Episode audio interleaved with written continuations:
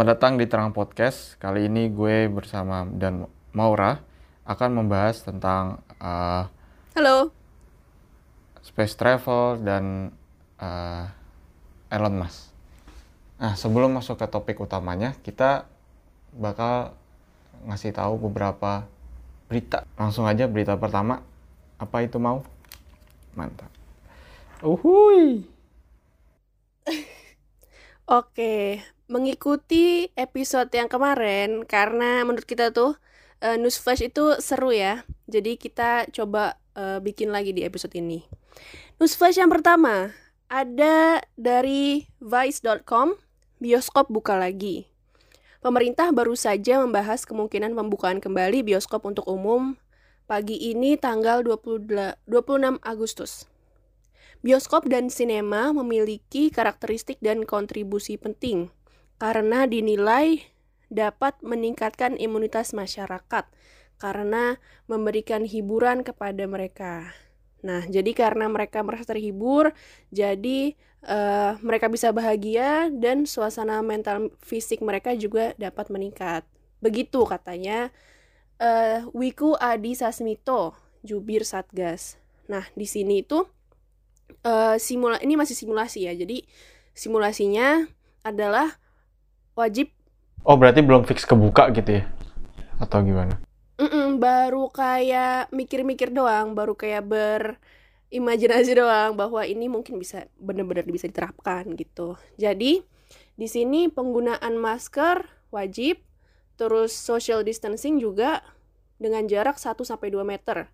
Nah, dari fasilitas dan sarana bioskop ini juga bakal uh, dinilai gitu, seperti tempat cuci tangan, terus filter udara dan uh, rutinitas pembersihan fasilitas yang sering disentuh minimal satu jam sekali.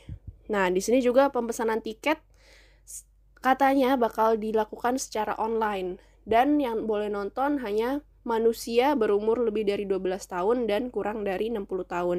Yang notabene-nya uh, imunnya sistem imunnya lebih bagus gitu. Yang lagi maksudnya masa masa-masa itu adalah di mana kita sistem imunnya itu paling baik gitu.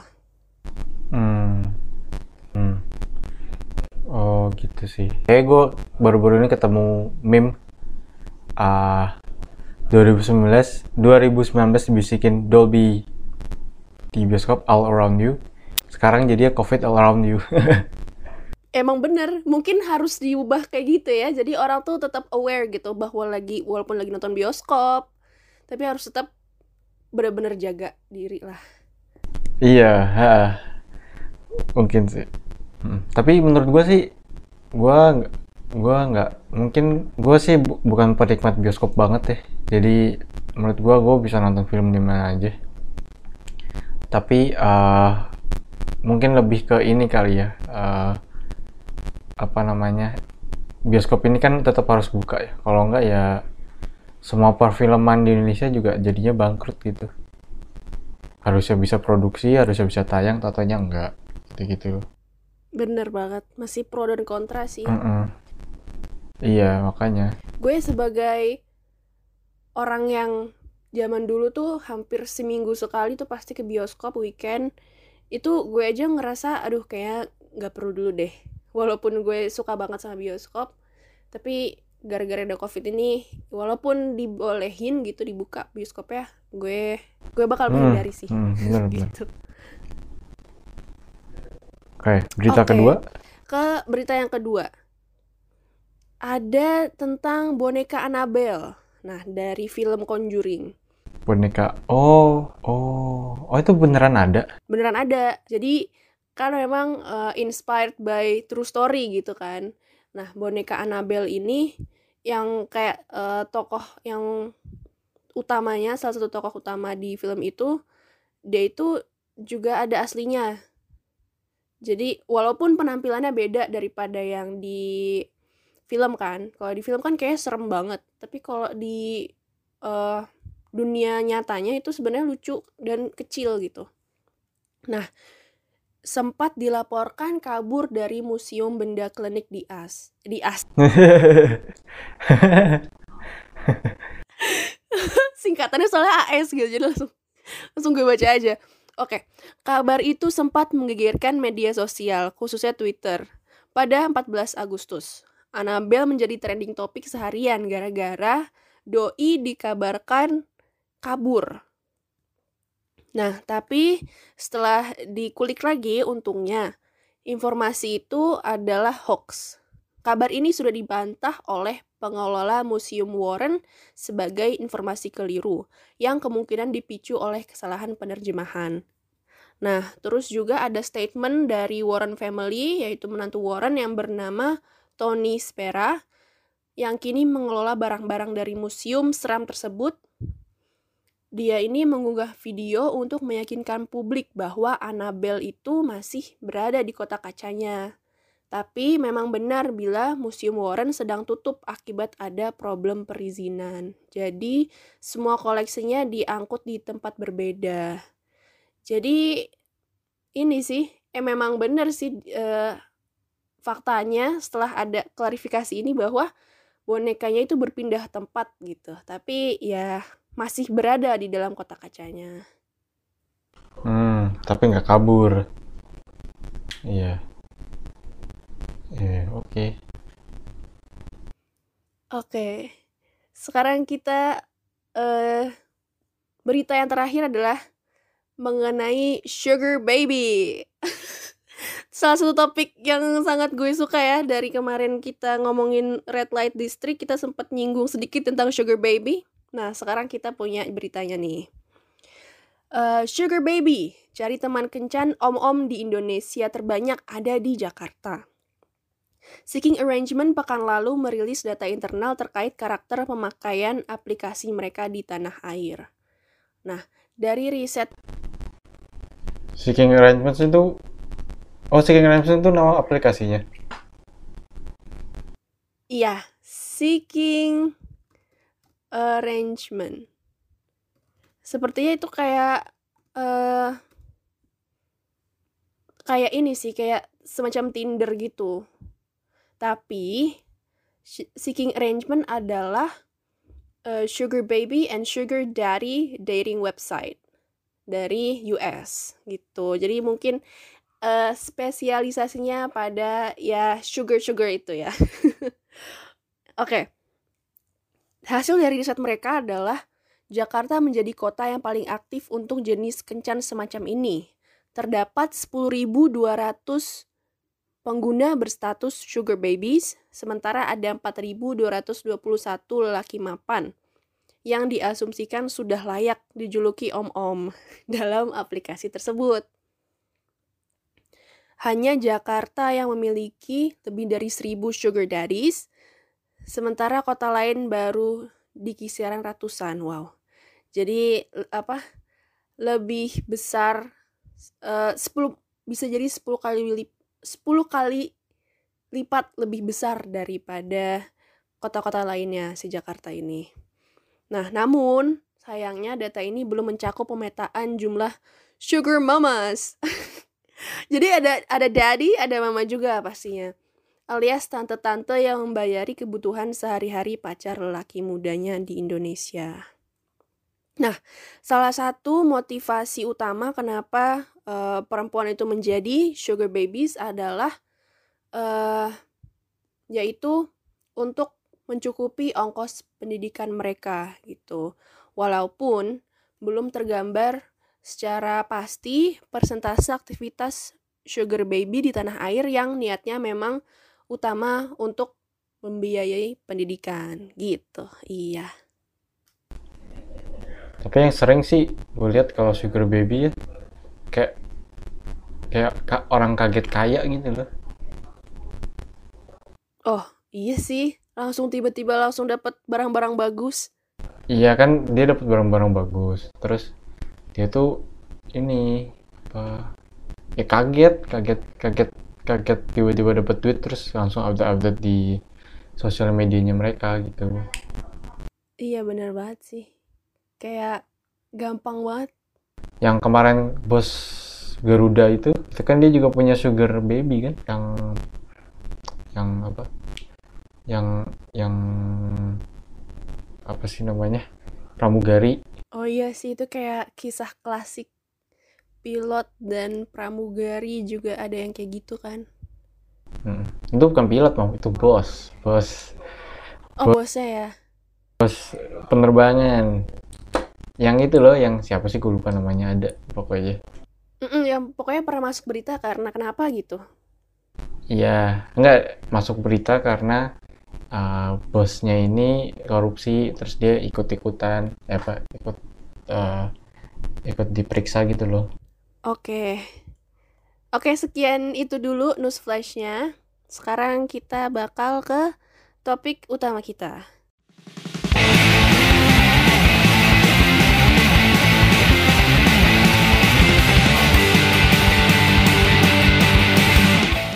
Oke, nah tadi udah ngomongin tentang news flash, uh, ada Sugar Baby, ada Annabelle, ada uh, satu lagi ada bioskop bakal buka lagi di Jakarta tentunya. Uh, nah se- selanjutnya gue pengen uh, ceritain ke lu nih ada satu orang yang uh, apa idola gue lah ceritanya Cielah, idola Wah. Oke. idola gue uh, selama uh, sama gue kuliah sih. Ya, gue tahu orang ini setelah gue kuliah. Nah namanya ini adalah Elon Musk. Jadi Elon Musk ini adalah uh, seorang entrepreneur di bidang teknologi. Nah terus uh, dia hmm, dia banyak sih kayak uh, perusahaannya itu banyak uh, dia dulu mungkin lu pertama uh, mungkin lu kalau misalnya pakai internet udah agak lama tahu namanya PayPal kan? Mm-mm, kayak rekening online gitu ya. ah iya kayak ya kayak semacam uh, GoPay gitu deh tapi uh, udah lama banget itu. Nah itu dulu yang bel, dulu yang buat itu dia terus akhirnya dijual ke satu perusahaan di Eropa apa apa gitu gue lupa. Nah terus sekarang nih apa bisnisnya yang lagi hype banget tuh ada dua aslinya. Ada SpaceX sama satu lagi Tesla. Nah Tesla ini dia produksi mobil listrik. Kayak ya mungkin mobil listrik dari dulu udah ada ya tapi yang punya dia tuh keren banget canggih gitu harganya di US sendiri tuh sekitar uh, kalau yang Cybertruck yang baru kemarin launching itu uh, entry levelnya di harga 500 juta rupiah uh, di di US ya.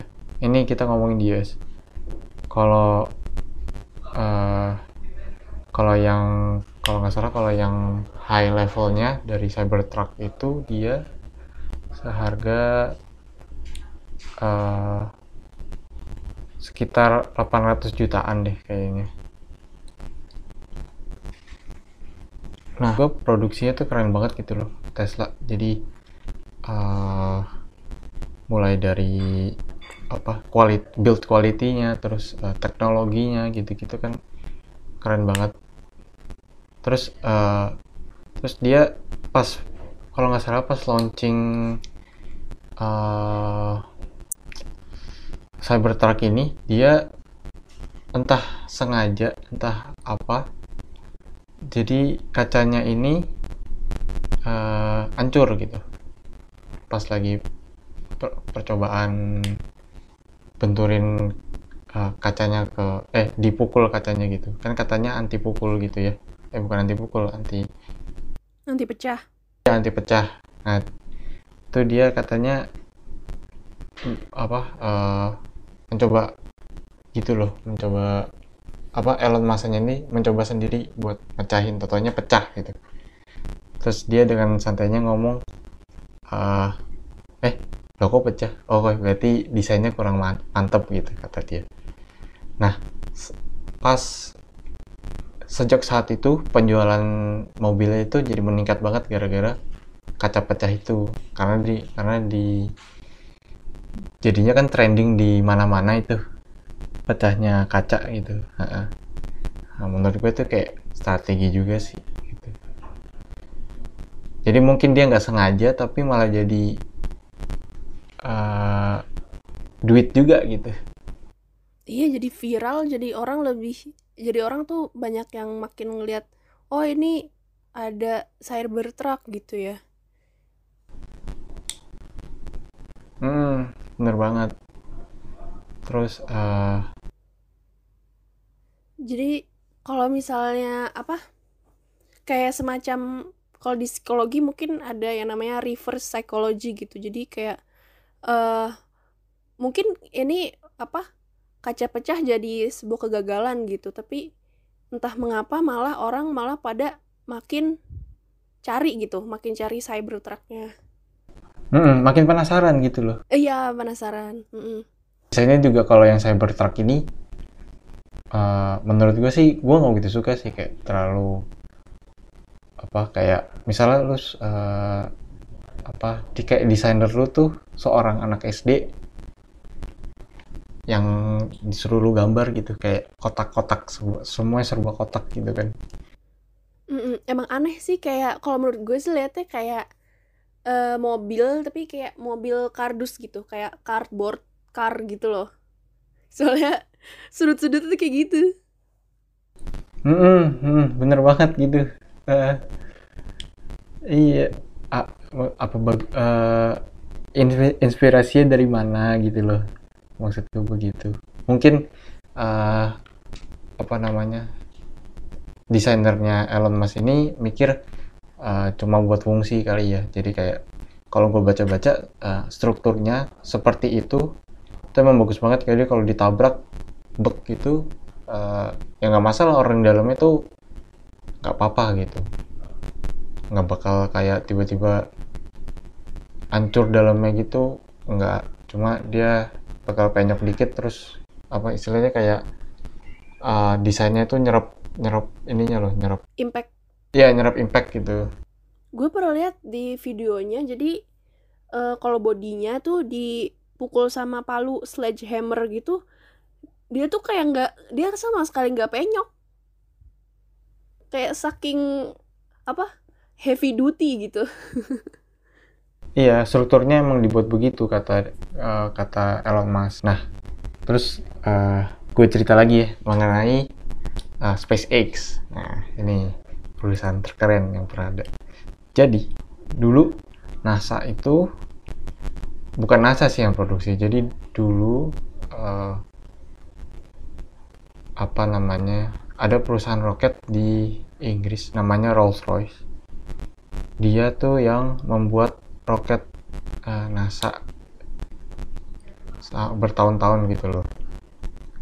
Nah jadi kan lu uh, lu tahu roket kan? Jadi roket itu pertama terbangnya uh, satu panjang gitu kayak bangsa uh, nggak tahu panjangnya berapa tapi panjang banget terus. Uh, terus setelah melewati berapa meter di atas dia mulai runtuh. Apa bukan runtuh kayak di uh, apa dilepas gitu tes gitu kan. Terus setelah berapa kilometer lagi eh setelah meter berapa meter lagi di atas dia mulai lepas lagi terus akhirnya mendorong yang isinya kapsul gitu ke atas orang kasa gitu nah sekarang tapi problemnya adalah ke mana itu jatuhnya gitu loh Jadi itu kan jatuhnya kayak sampah gitu kan, sampah roket gitu kan, pendorongnya kan. Iya, ha-ha, pendorongnya itu kayak dibuang ke laut gitu aja. Terus uh, siapa yang mau tanggung jawab gitu kalau misalnya tiba-tiba terjadi uh, apa namanya? Kayak pencemaran gitu. Iya, pencemaran lingkungan gitu. Terus kan uh, besi ya, besi kan terurai terurainya juga lama banget kan. Eh, bukan besi malah kayak fiber gitu-gitu kan. Terurainya lama banget.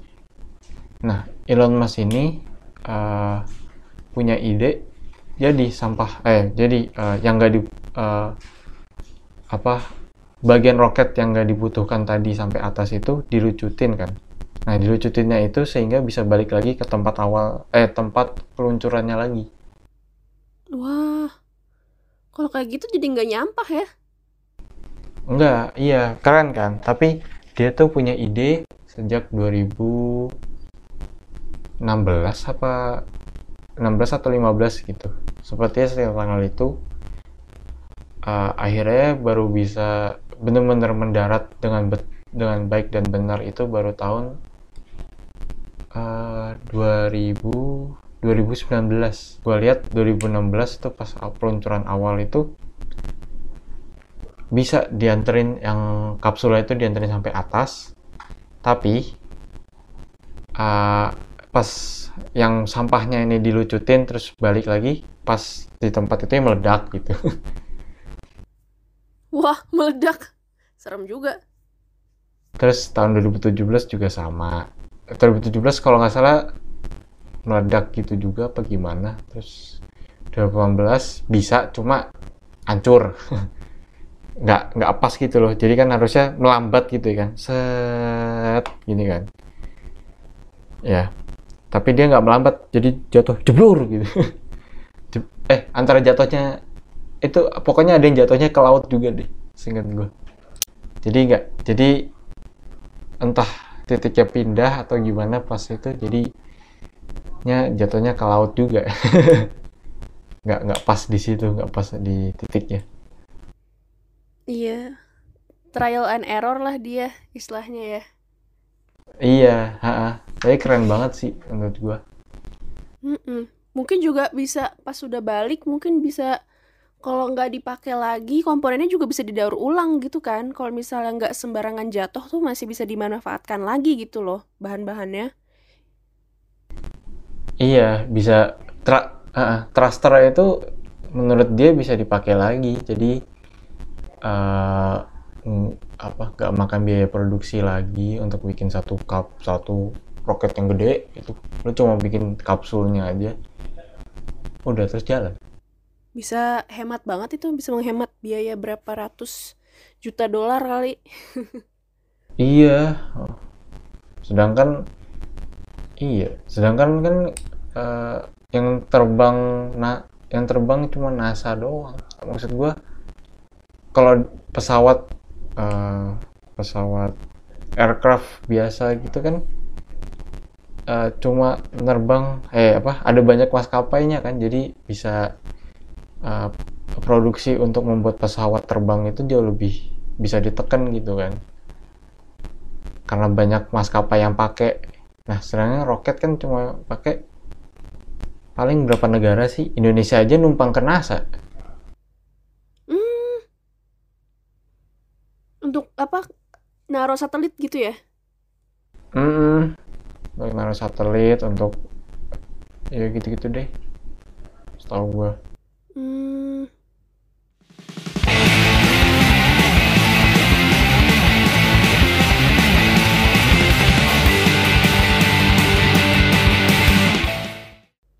Ngomong-ngomong tentang ruang angkasa nih, gue penasaran.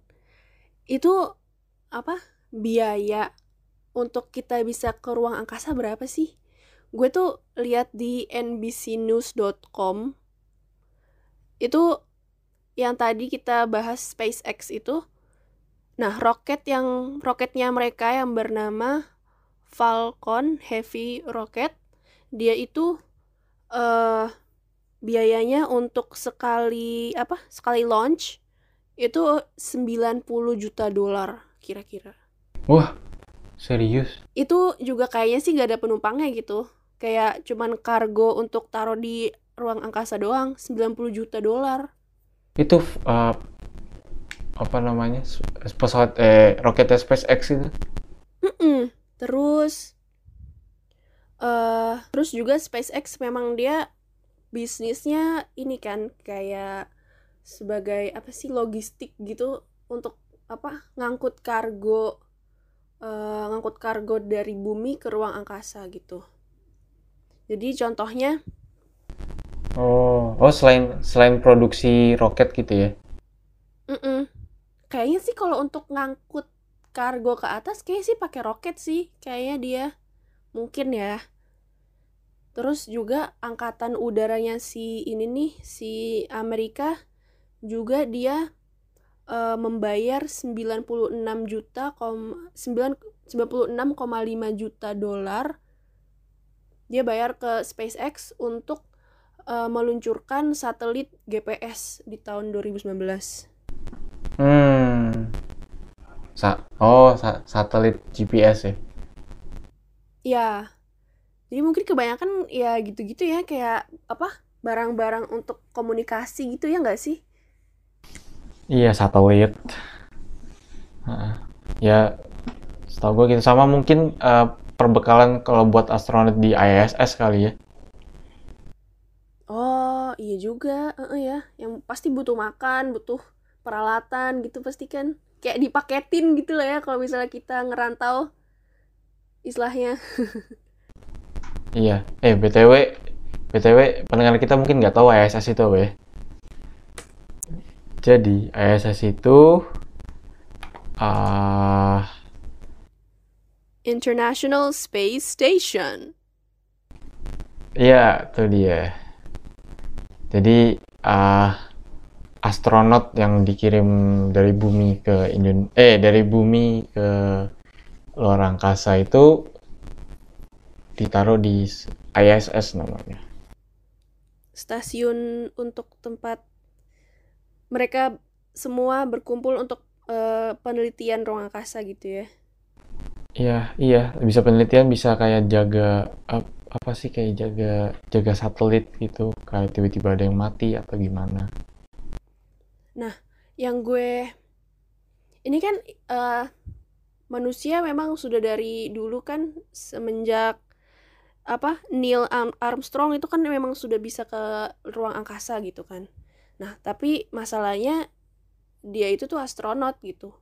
Gimana sih kalau misalnya kita-kita gini kita-kita gini mau ke ruang angkasa gitu. Itu kira-kira biayanya berapa sih gitu. Nah, gue kepo banget terus akhirnya gue cari-cari di internet kan nah itu tuh ada kayak uh, macem-macemnya macem-macem biaya gitu jadi dari 250 250 ribu dolar sampai yang bener-bener puluhan juta dolar gitu jadi ada juga banyak providernya. Nah salah satunya adalah yang pertama Virgin Galactic. Nah itu dia uh, untuk uh, menyeberang Karman Line yang dengan tinggi 62 mil. Itu dia sekali trip itu 250 ribu dolar. Dan dengan uh, tiket semahal itu udah ada 650 orang yang udah pegang tiketnya. Oh, gila. Wow. Duit dari mana 250 ribu dolar? udah males udah males jalan-jalan di bumi gitu ya kalau orang udah terlalu kaya banget uh. Ntar kalau Karman Line ber itu berarti dia nggak nyampe ISS dong ya? Nggak nyampe, ya cuma ngorbit aja di permukaan bumi. Iya, uh, namanya sub orbital flights ya cuman ya cuman gitu doang sih. Anjir. Apa bedanya apa naik pesawat biasa ya? Mungkin se lebih sedikit eh sedikit lebih tinggi kali ya. Terus naiknya juga lebih wah kayak pesawat ruang angkasa nih gitu kan. Jadi feelnya mungkin juga beda iya kali ya. Terus kayaknya kemarin gue juga uh, lihat tentang ini Virginia Galactic. Uh, jadi ada seorang orang kaya di Amerika namanya Dennis Tito. Dia bayar 20 juta dolar untuk uh, apa namanya untuk 8 hari di luar angkasa tahun 2001 Wah, 2001 8 juta dolar kayak udah gede banget deh. 20 juta dolar. 20 juta dolar buat 8 hari di space. Nah itu tuh dia uh, jadi uh, astronot pertama yang private the world first private astronaut 20 juta cuma 8 hari. Itu kalau kita liburan di bumi bisa dapat berapa ini ya? Bisa dapat berapa minggu mungkin? bisa wih bisa bisa keliling dunia anjir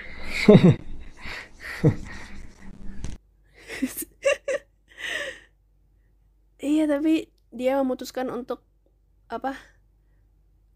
Menjelajahi ruang angkasa dengan 20 juta dalam 8 hari doang. Ya, tapi menurut gue sih sepadan sih karena kan kayak kita bener-bener nggak tahu di atas tuh udah apa gitu kan. Sampai kita tuh bener-bener ada di atas itu. Wow. iya lebih ke kayak penasaran gitu nggak sih. Terus juga ada lagi, itu kan 2001. Nah, 2009 juga ada lagi namanya Guy Laliberte. Nah, dia itu eh mengeluarkan ongkos sebesar 35 juta. 35 juta dolar untuk ISS trip. Jadi dia eh, memang trip kayak eh, trip ke ISS ISS-nya sendiri itu. Jadi dia kalau misalnya tadi 8 hari si Dennis, nah kalau si Guy ini dia 12 hari di ISS. Hmm. Itu berarti termasuk makan gitu kali ya? Iya, mungkin termasuk makan, kamar, breakfast, lunch, tour guide. ya di ISS lu cuma bisa di situ doang. Masa lu ngambang di space gitu? Ngambang di space lu nggak bisa balik. Tapi ya, kayaknya sih ISS-nya tuh udah cukup keren, kayak udah keren banget. Ya nggak sih? ISS-nya doang? tapi lu pernah lihat astronot makan gak sih? Pernah, yang dia paling susah sih makan, dia kan susah, susah makan, jadi paling disedot gitu. Mm-mm, nggak. Jadi eh, karena nggak ada gravitasi air itu bentuknya bukan air. Eh air itu bentuknya air cuma dia kayak jelly gitu loh kalau kata orang-orangnya kalau kata astronotnya jadi lu kalau minum air dibuka botolnya terus cubit terus baru tuh zlep gitu apa gimana? Di di isep sep gitu pokoknya. Oh iya, soalnya dia kan zero gravity, jadi ya apa ngambang-ngambang gitu kocak. Iya, terus makannya eh gua nggak tahu sih kalau ini rumornya makannya itu kayak pakai pil gitu deh. Jadi bukan bukan real food gitu loh. Hmm, gue sih liatnya kayak apa ya? Kalau misalnya TNI tuh, kalau kita tuh ada ransum gitu kan. Nah dia tuh kayak bener-bener di di apa? Makanan yang kering, yang nggak bakal itu ada remah-remah atau nggak bakal tumpah cairan gitu. Nah dia makannya ada yang kayak gitu. Terus juga kayak peralatan makannya tuh pasti di, ditaliin gitu. Jadi biar gak ngambang ke mana-mana. Jadi ya ya nggak mungkin kalau kalau nggak ada gorengan gitu kali ya. Gak ada gorengan, gak ada ayam kremes. Iya. Terus apalagi ya? Oh ya, gue pernah lihat video astronot dia itu eh menurut gue sih agak jorok gitu ya. Pas dia sikat gigi, dia sikat gigi sikat gigi biasa gitu, pakai odol odol sikat gigi biasa gitu. Tapi eh karena air itu ngambang kalau di sana, kalau misalnya pup, kalau pup sama pipis kan ada toilet khususnya gitu ya langsung di zrup, langsung diserap gitu kan sama toiletnya. Kalau misalnya sikat gigi kan nggak harus dilepeh gitu kan. Nah, solusinya adalah eh, nggak usah dilepeh, ditelan. Di- Ditelan. Ih. Gila. Aduh, gila. jadi ya seharian gitu kan sehari- seharian kerja malam-malam mau tidur terus dia apa gosok gigi ya udah telan aja ini gue ada ada fotonya sih. Jadi mereka lagi uh, nunjukin kayak minumannya gitu di di mana namanya? Di ISS jadi kayak ada apa namanya? Kayak aduh gue, lupa namanya. Apa jadi kayak lu tahu susu bantal gak sih yang dulu waktu kita SD Mm-mm. Nah, itu tuh bentuknya kayak gitu, cuma ada sedotan keluar gitu. Jadi dia harus minumnya sambil dipencet gitu. Sut, sut, gitu. lucu deh kalau ngeliat astronot kayak gitu tuh kayak apa kayak unik aja gitu serba ribet iya. Ya, ya mau gimana, pasti segitu gitu. dan juga harus ini juga kan belum lagi apa adaptasi tubuhnya yang dia harus apa zero gravity kan itu juga perlu apa adaptasinya bener-bener sih Ha-ha. Ya beberapa astronot harusnya eh astronot tuh harusnya dites gitu loh. Dites apa ada lah pokoknya tes ada tesnya NASA gitu. Kalau lo nggak lolos ya nggak bakal jadi astronot gitu. Nah yang gue bingung berarti eh yang tadi yang siapa namanya? Ah Gail eh, Dennis Titos atau Guy La Liberte itu dia dia dites dulu berarti ya sama NASA ya? Nah itu dia. Mungkin dia harus memenuhi kualifikasi tertentu tapi kayak nggak seketat astronot yang emang benar-benar kerja gitu hmm. tapi kan sama perjalanannya dia harus terbang melawan berapa gravitasi gitu terus itu uh, di sana harus menyelesaikan diri dengan 0 uh, 0 G gitu ya menurut gue sih tetap sama sih harusnya tesnya juga sama mungkin mungkin mahalnya biaya itu kayak 20 juta atau 35 juta dolar ini mungkin termasuk tesnya itu kali ya. Mm-mm, bisa jadi heeh. tapi kayak sebelum beli tiket kayak harus ya harus tahu kalau misalnya kita bisa ini gak sih kalau misalnya kita memenuhi kualifikasi gitu jangan sampai udah beli tiket wah ternyata nggak bisa nih kayak kan susah juga ya Tapi kayaknya eh, mereka tuh beli tiket kayak bukan di website gitu sih, setahu gue. Kayaknya mereka kayak ngajuin suatu eh, proposal gitu. Proposal gue pengen, pengen terbang ke ruang angkasa gitu. Gue bakal berapa, bayar berapa aja gitu. Mungkin kali ya. Wah iya proposalnya pasti keren banget itu. Kayak wow gue mau ke luar angkasa gitu kayak proposal macam apa itu